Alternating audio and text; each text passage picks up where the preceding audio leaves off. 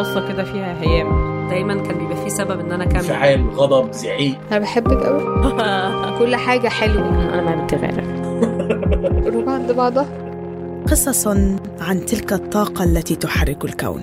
تستمعون لبرنامج بحب من إنتاج شبكة Kerning Cultures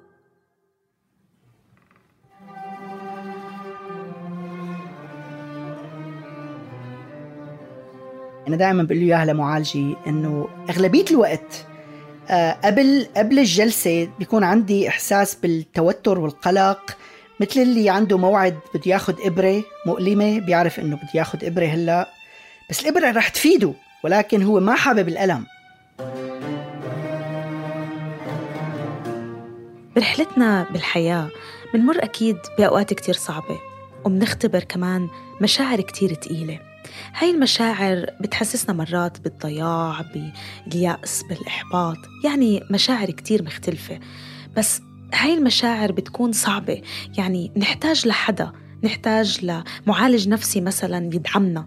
بنروح وبنرمي كل اللي جوانا كل عقدنا أزماتنا النفسية تجاربنا ألمنا حزننا كله بنرميه على هالمعالج النفسي. لأنه مرات تجاوزها أو تحملها لحالنا بيكون صعب. طب كثير مرات بخطر لي إنه المعالج النفسي نفسه كيف بيتعامل مع كل هاي المشاعر وكل هاي التجارب؟ كيف بيقدر يتحمل كل إشي منكبه عليه؟ وكيف بيقدر يتعامل مع حاله هو؟ بحلقة اليوم رح نستكشف الجانب الثاني من العلاج النفسي الجانب اللي بيكون فيه المعالج النفسي بيمشي كمان بنفس مسار المريض. حلقة اليوم من إنتاج أماني عادل. بترككم مع أماني. في 2016 بدأت رحلة صغيرة كنت بروح فيها مشوار طويل وتقيل لمعالجتي النفسية بشكل أسبوعي. بعد سنة تقريبا وبعد ما خلصنا أو بمعنى أصح لما رحلتي انتهت عند المحطة دي بعدها بفترة عرفت بالصدفة إنها بتمر بأزمة كبيرة ومرحلة صعبة من حياتها. ولكن اللي كان غريب بالنسبة لي إن العيادة فضلت مكملة. الرحلة دي واللي بعدها خلوا عندي تساؤلات حوالين المعالج النفسي زي هو لما بيكتئب أو بيحزن بيروح فين وبيعمل إيه؟ وإزاي أصلا بيكون قادر يكمل ويسمع ويقدم المساعدة لغيره؟ وفي آخر السنة اللي فاتت في عشرين اتنين وعشرين رجعت التساؤلات دي تدور في بالي من تاني. وقتها بدأت أسأل صحابي اللي درسوا وتخصصوا طب نفسي. ويمكن كلامهم كمان خلاني أفكر في الموضوع أكتر لأني عارفاهم بشكل شخصي كأشخاص بتحزن وتكتئب وبتواجه العالم بكل مشاكله. وبقى عندي فضول كبير إني أعرف وبشكل أقرب عن المعالج النفسي ورحلته الشخصية مع العلاج. لغاية ما وصلتني الطرق والأسئلة الكتير لحسام أو بهلول زي ما بيحب ينادوله معالج نفسي سوري مقيم بأمريكا وهو اللي سمعت صوته في بداية الحلقة.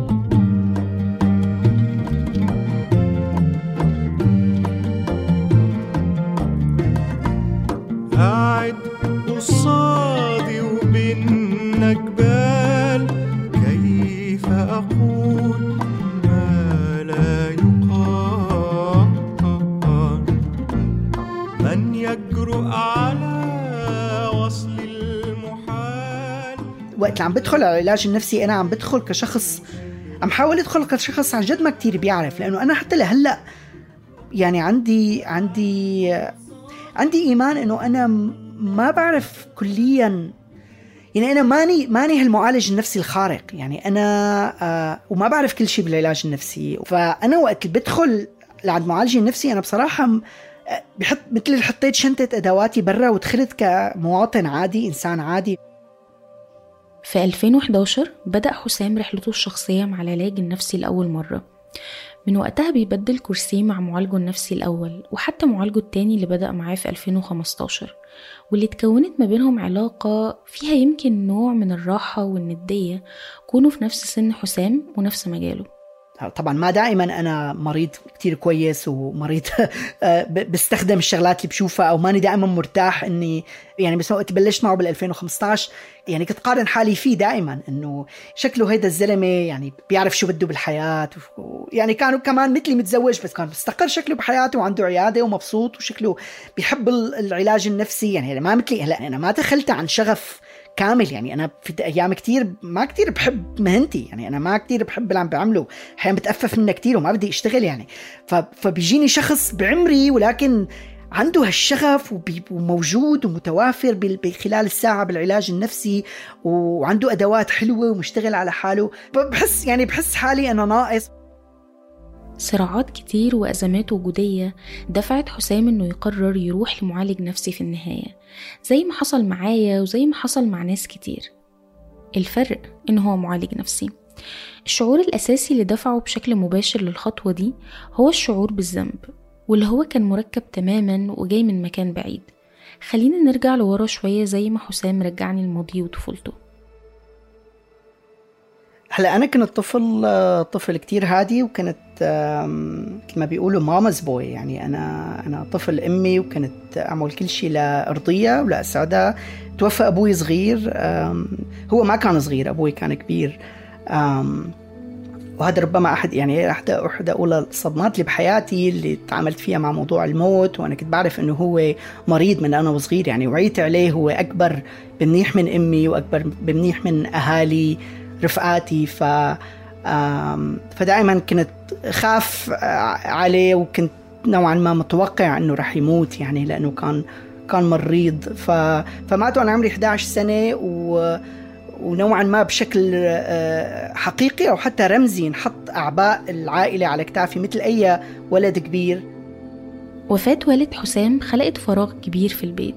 حاول وهو طفل إنه يملاه ويفكر إزاي يقدر يكون مكان أبوه أو إنه يحل محله.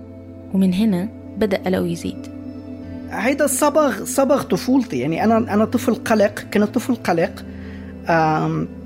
كانت بعتقد عندي نزعات للحزن من أنا وصغير.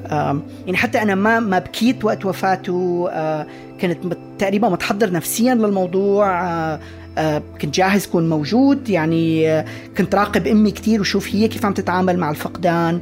آه، أمي كان عندها طرق الخاصة للتعامل. كانت يعني أمي من الناس الشغيلة كتير بتشتغل هي مهندسة مهندسة معمارية. ف تعلمت الأوتوكاد لحالها وقت اللي كان إسا كل النظام التخطيطي بسوريا على ال- الورقة والقلم آه، هي تعلمت الأوتوكاد آه، تجيب الكتب تسهر الليل. هذه كانت طريقتها بالكوبينج بالتعامل بالتأقلم.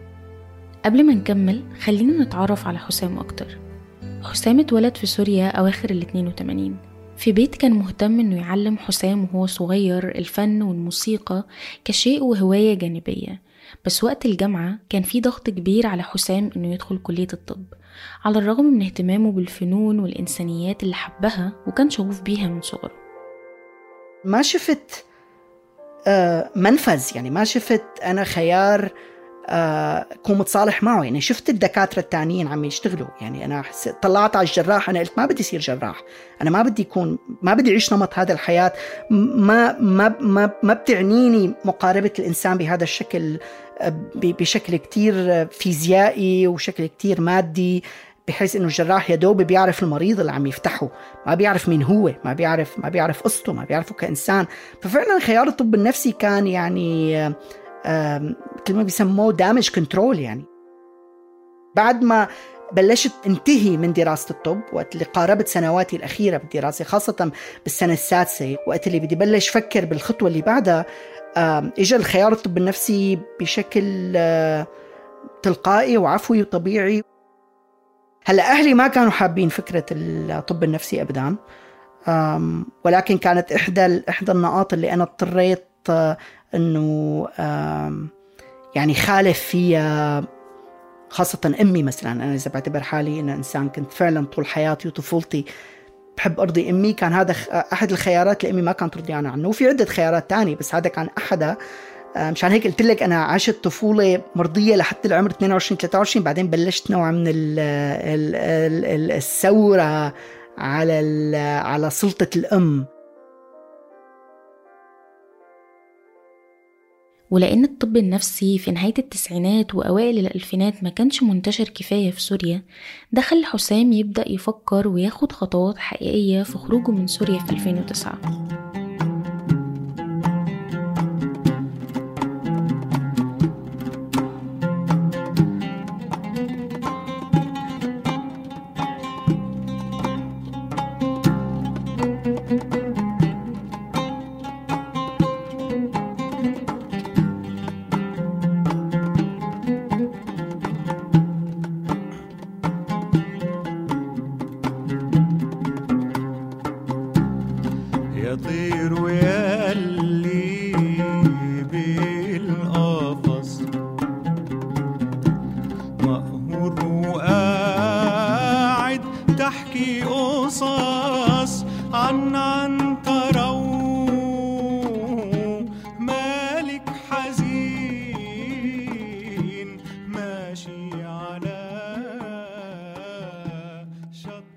أسباب كتير دفعت حسام إنه يطلع من سوريا ويدور على مكان يقدر يلاقي فيه مساحة من الحرية اللي افتقدها.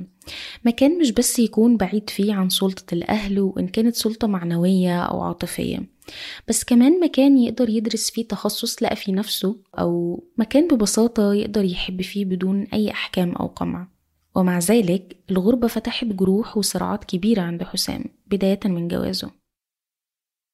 قررت اتزوج صبية من غير طائفة. فامي متدينة ومحافظة من أنا أنا عائلتي عائلة سنية. أنا قررت أتزوج آه، صبية من عائلة علوية. آه، هذا الحكي ب 2009 طبعا وقت اللي خطبنا آه، ولكن بال 2011 يعني مثل ما الكل بيعرف للأسف أخذت يعني أخذت الحرب السورية منحى طائفي. ولكن يعني أنا بتذكر إنه أنا أمي من أولى الشغلات اللي كانت تقول لي إياها بأول 2011 إنه أنا عم بمشي بالشارع ما عم بقدر أطلع بعيون العالم. أمي حاسة بال- بالخجل إنه كيف ابنها آخذ وحدة علوية؟ وهلأ كل هالشيء عم يصير بالبلد. فطبعا أمي ال- الماستر يعني master of transferring guilt يعني عن- عند عند عندها قدرة رهيبة على إنها تزرع الذنب جواتي. آه طبعا هي إلى أسبابها وهي يمكن ربما كانت طريقتها للتعامل مع التغييرات اللي عم تصير حواليها لأنه أمي, أول شيء ما كانت رضيانة أول شيء عن زواجي. خلال مقابلتي مع حسام شدني تماما ولفت انتباهي إزاي قدر يشوف بوضوح العلاقة ما بين طفولته وعلاقته بوالدته وفقدان والده في سن صغير وما بين شعوره بالذنب اللي عاشه وتفجر جواه مع بداية الثورة السورية في 2011 يعني من من أصعب السنوات بصراحة لأنه يعني ما بس مجرد إنه أنت آه، كإنسان بعيد عن آه، أهلك وناسك آه، وهن عم يعيشوا فعلا فترات كتير صعبة ولكن كمان موضوع العجز يعني تحس حالك فعلا أنت مانك قادر تعمل شيء ف... فذنب النجاة لازمني من ال... من البداية إنه أنا أنا الوحيد اللي طلعت وأهلي كلهم ضلوا هناك. هلا طبعا مدينتنا نحن مزبوط شافت مظاهرات ب بال 2011 و... وقمع أمني قوي وبعرف كتير ناس آه، آه، آه، تآذوا أو ماتوا أو انحبسوا.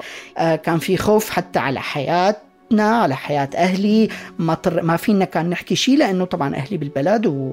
وممكن يتم إيذائهم. ف... فهذا يعني موضوع الذنب بأول سنوات آه، الثورة والحرب كان كان كان هو آه، القضية الوجودية الأولى بالنسبة إلي. وإحدى أولى الشغلات اللي حكيت عنها إنه إنه بشكل كتير أبسرد يعني إنه أنا حاسس حالي مسؤول عن معاناة ملايين السوريين. وهي طبعا فكرة كتير. هلأ أنا طبعا بتطلع وبحس يعني إنه إيه إنه شو عم تحكي أنت؟ طول بالك يعني إنه لما حسام خلص دراسته للطب في سوريا وهاجر على أمريكا خلال فترة تدريبه هناك وقبل اختصاصه بالطب النفسي المشرفين نصحوه وقتها بأنه أفضل طريقة يخفف بيها من شعوره بالذنب هو أنه يلاقي وسيلة يقدر يساعد غيره من خلالها. وفعلا ما بين 2012 ل 2017 حسام كان بيقدم دعم نفسي عن بعد للاجئين السوريين عن طريق منظمات إغاثية.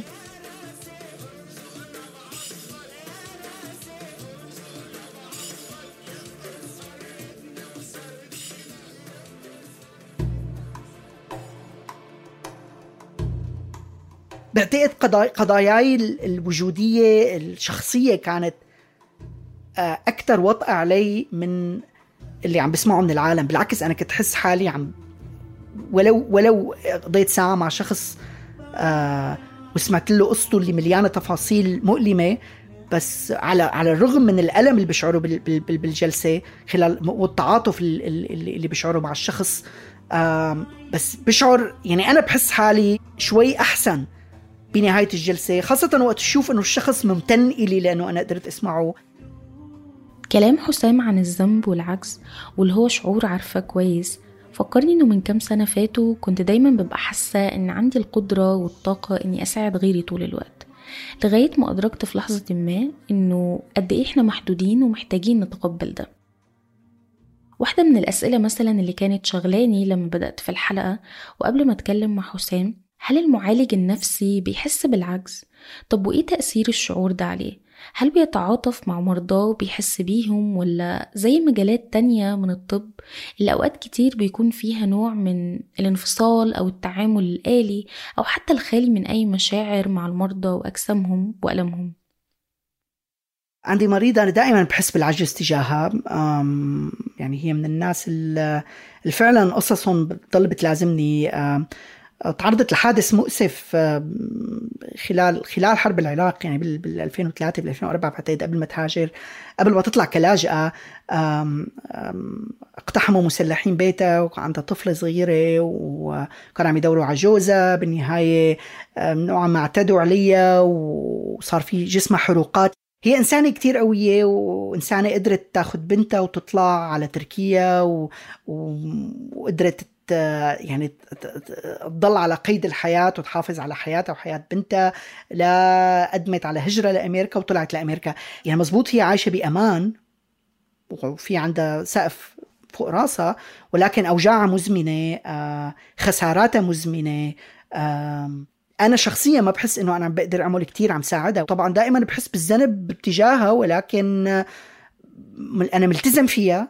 آه، مثلا هلأ هي غيرت ولاية آه، فأنا بحكي معها بعتبرها مريضتي اللي بشوفها بدون آه، بدون أي بدون أي مردود مادي مريضتي الخاصة اللي اللي هذا يعني هذا واجبي الإنساني تجاهها. بحس إنه م- ما عم أقدم لها شيء غير إنه يكون موجود وما أتركها مثل ما بقية العالم تركوها. من الحاجات اللي كنت بفكر فيها خلال التسجيل هي المساحة اللي بتتكون ما بين المعالج النفسي والمريض على مدار الوقت والمسافة اللي بيكون المعالج واقف عندها وشايف إنك أحيانا ممكن تراوغ الحقيقة وتلف حواليها عشان تتجنبها. افتكرت وقتها إنه في مرة من المرات وأنا في واحدة من جلسات العلاج وبعد لما اتكلمت كتير بعدها معالجي قال لي كلامك منطقي جزئيا بس لا يبدو لي إنه حقيقي. ببساطة أنت خايفة وبتحاولي تخلقي منطق لخوفك. الجملة دي على الرغم من مرور أربع سنين عليها بس دايما بفتكرها. أحيانا بنبني الجدار عشان نحمي نفسنا واللي هو ممكن جدا يبقى جدار من المنطق أو اللغة.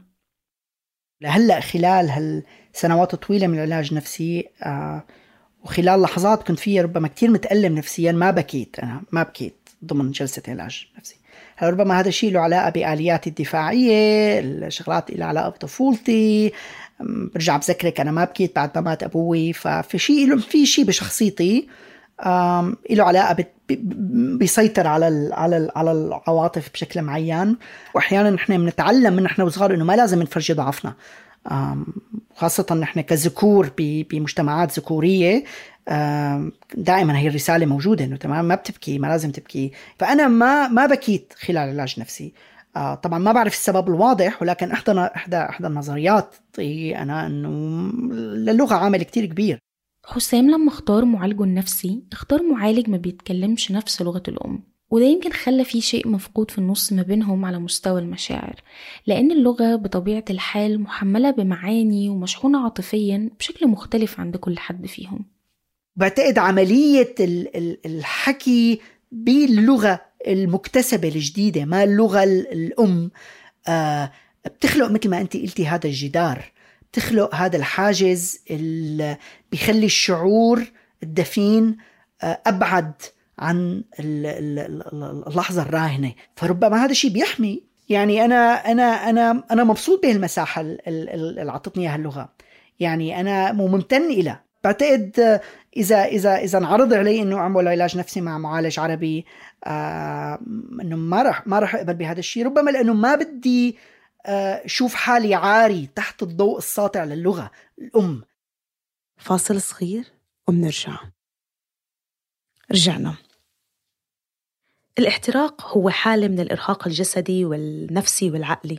اللي بتحصل مع كتير ناس مهنهم بتكون بتتطلب تواصل وتفاعل مع الناس على مستويات عاطفية وحساسة كتير. المعالج النفسي هو واحد من هدول الأشخاص اللي احتمال كتير كبير يصيبهم هذا الاحتراق. ليش؟ لأنهم بيتفاعلوا بشكل مستمر مع مرضاهم وكل اللي بيمروا فيه. لكن مع الوقت بصير في نوع من الاستنزاف. وبوقتها بيكون المعالج النفسي كمان لازم يدير باله حاله. بيكون المعالج النفسي كمان بده مخرج بده متنفس وبده دعم. قبل الحلقة اتكلمت ودردشت مع أكتر من معالج نفسي وأكتر من حد من صحابي زي ما حكيت لكم في البداية. غالبيتهم اتفقوا على إنه إزاي مهم يكون ليهم مساحة أو هواية جانبية يعيدوا فيها شحن طاقتهم من تاني. في منهم اللي قال لي إنه مساحته كانت موجودة في البحر والصيد وفي منهم اللي قال لي الرياضة أو حتى حسام اللي لقى طريقته في إنه يواجه قلقه واكتئابه من خلال الأغنية والمزيكا.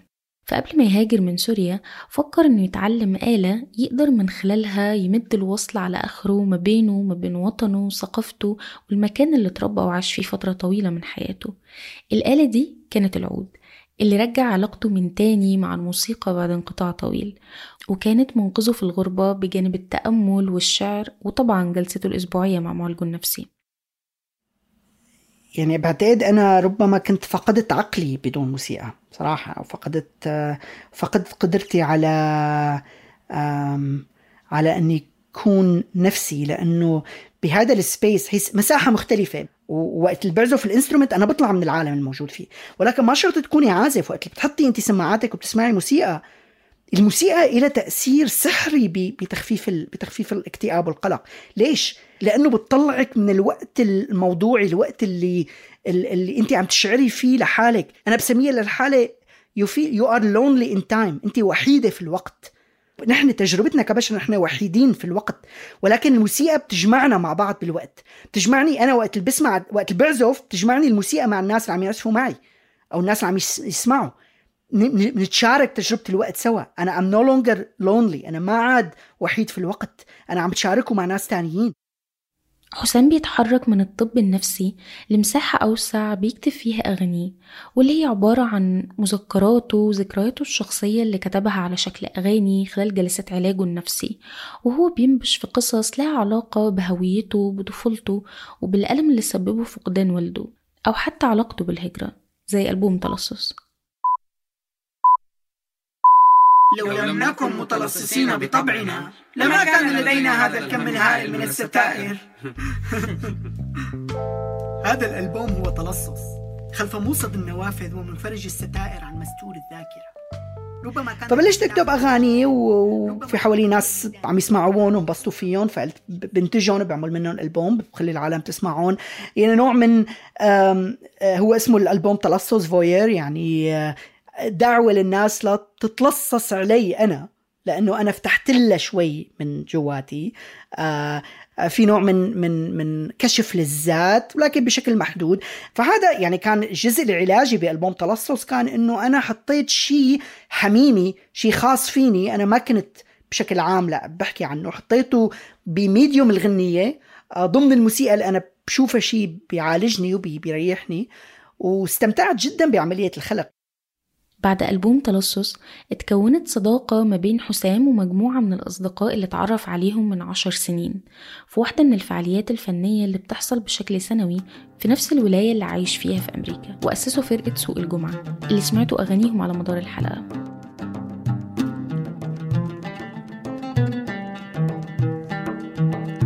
يا ليالي الأنس لعودي يوما يخضر به عودي. يا ليالي الأنس يا لعودي. يوما يخضر به عودي. ما بال الشارد من ماء يهتز على صوت العود. يرفع كأسا هي فارغة لكن يدخل آه في المود في نهاية مقابلتي مع حسام كان عندي سؤال أخير عن إيه اللي غيره الطب النفسي في حسام؟ أوه أنا أنا شخص مختلف كليا. يعني أنا ما عدت نفس الشخص. أنا دائما بقول لهم للناس الطب النفسي مثل كأني بدك خاصة التدريب والممارسة بدك تفكري كأنه أنت في عندك بناء قديم في عنده أسس معينة بس أنت هديتي كل شيء ورجعتي بنيتيه. أو مثل كأنه أحيانا بقول لهم بشكل شوي أعنف يعني في صورة شوي أعنف. أنا مثل كأنه انفسخت فسختوني فسخوني بالتدريب ورجعوا ركبوني نفسيا عم بحكي. يعني أنا كنت دائما أسمع أكثر ما أحكي بس أنا هلأ بقعد مع ناس أحيانا ساعة ساعتين ما بحكي شيء أنا بس عم بسمع. أنا كثير مرتاح صرت كثير مرتاح بهذا بهذا الدور. ولكن هذا ما دائما شيء مفيد لأنه عم يأثر أحيانا بيأثر على علاقاتي بالناس اللي حولي اللي هن ما مرضاي بيأثر على قديشني حميمي مع أصدقائي على قديش بفتح قلبي لأصدقائي قديش بشوف قد يعني كمان إنسان بيطلع ما انه بتلخبط بس أنا أحيانا بحس حالي ما عم بعرف اخطو فوق هذا الحد الفاصل بين كوني طبيب نفسي وبين كوني إنسان عادي موجود بحياة الناس ما لا ساعدها ما لا قدمنا النصيحة. يعني وطبعا نحن ما يعني أنا ما ما بشوف شخص بحياته ما عم يعاني بشكل أو بآخر. لأن يعني ربما هذا الشيء له علاقة بالمهنة اللي أنا عم مارسها إنه مثل ما بيقولوا لك إذا أنت مطرقة كل اللي بتشوفيه مسامير يعني أنا بصير كل اللي عم شوفه هو معاناة نفسية وقلق وجودي.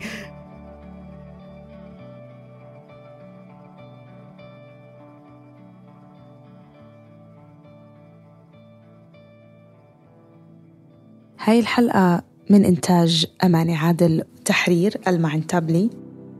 كل الشكر لضيف الحلقة حسام جيفي بهلول وفرقة سوق الجمعة على مشاركتهم أغانيهم بالحلقة. طبعا نشكر طاقم الفريق آه، للدعم التحريري وشكرا لمصمم الصوت منذر هاشم. بنحب نذكركم إنه دايما بتقدروا تتابعونا على الإنستغرام على التويتر اللي فيه بننشر قصص من وراء الكواليس أو حتى صور إلها علاقة بالحلقة. هاي الحلقة من إنتاج شبكة Kerning Cultures طبعا آخر طلب للمستمعين إنه دايما دايما إذا حبيتوا الحلقة ما تنسوا تشاركونا تقييمكم وتتركوا لنا رأيكم لأنه التقييم والرأي بيساعد إنه الناس يلاقونا أسهل وأسرع وكمان بيساعدنا إن نضلنا ننتج بودكاست وحلقات أكتر. إذا حبيتوا الحلقة كمان ما تنسوا تشاركوها مع الأصحاب والأحباب. ما تنسوا كمان تشتركوا بالقناة عشان تقدروا تعرفوا عن كل حلقة بتنزل أول بأول. بلاقيكم الأسبوع الجاي بحلقة جديدة من بحب. باي باي.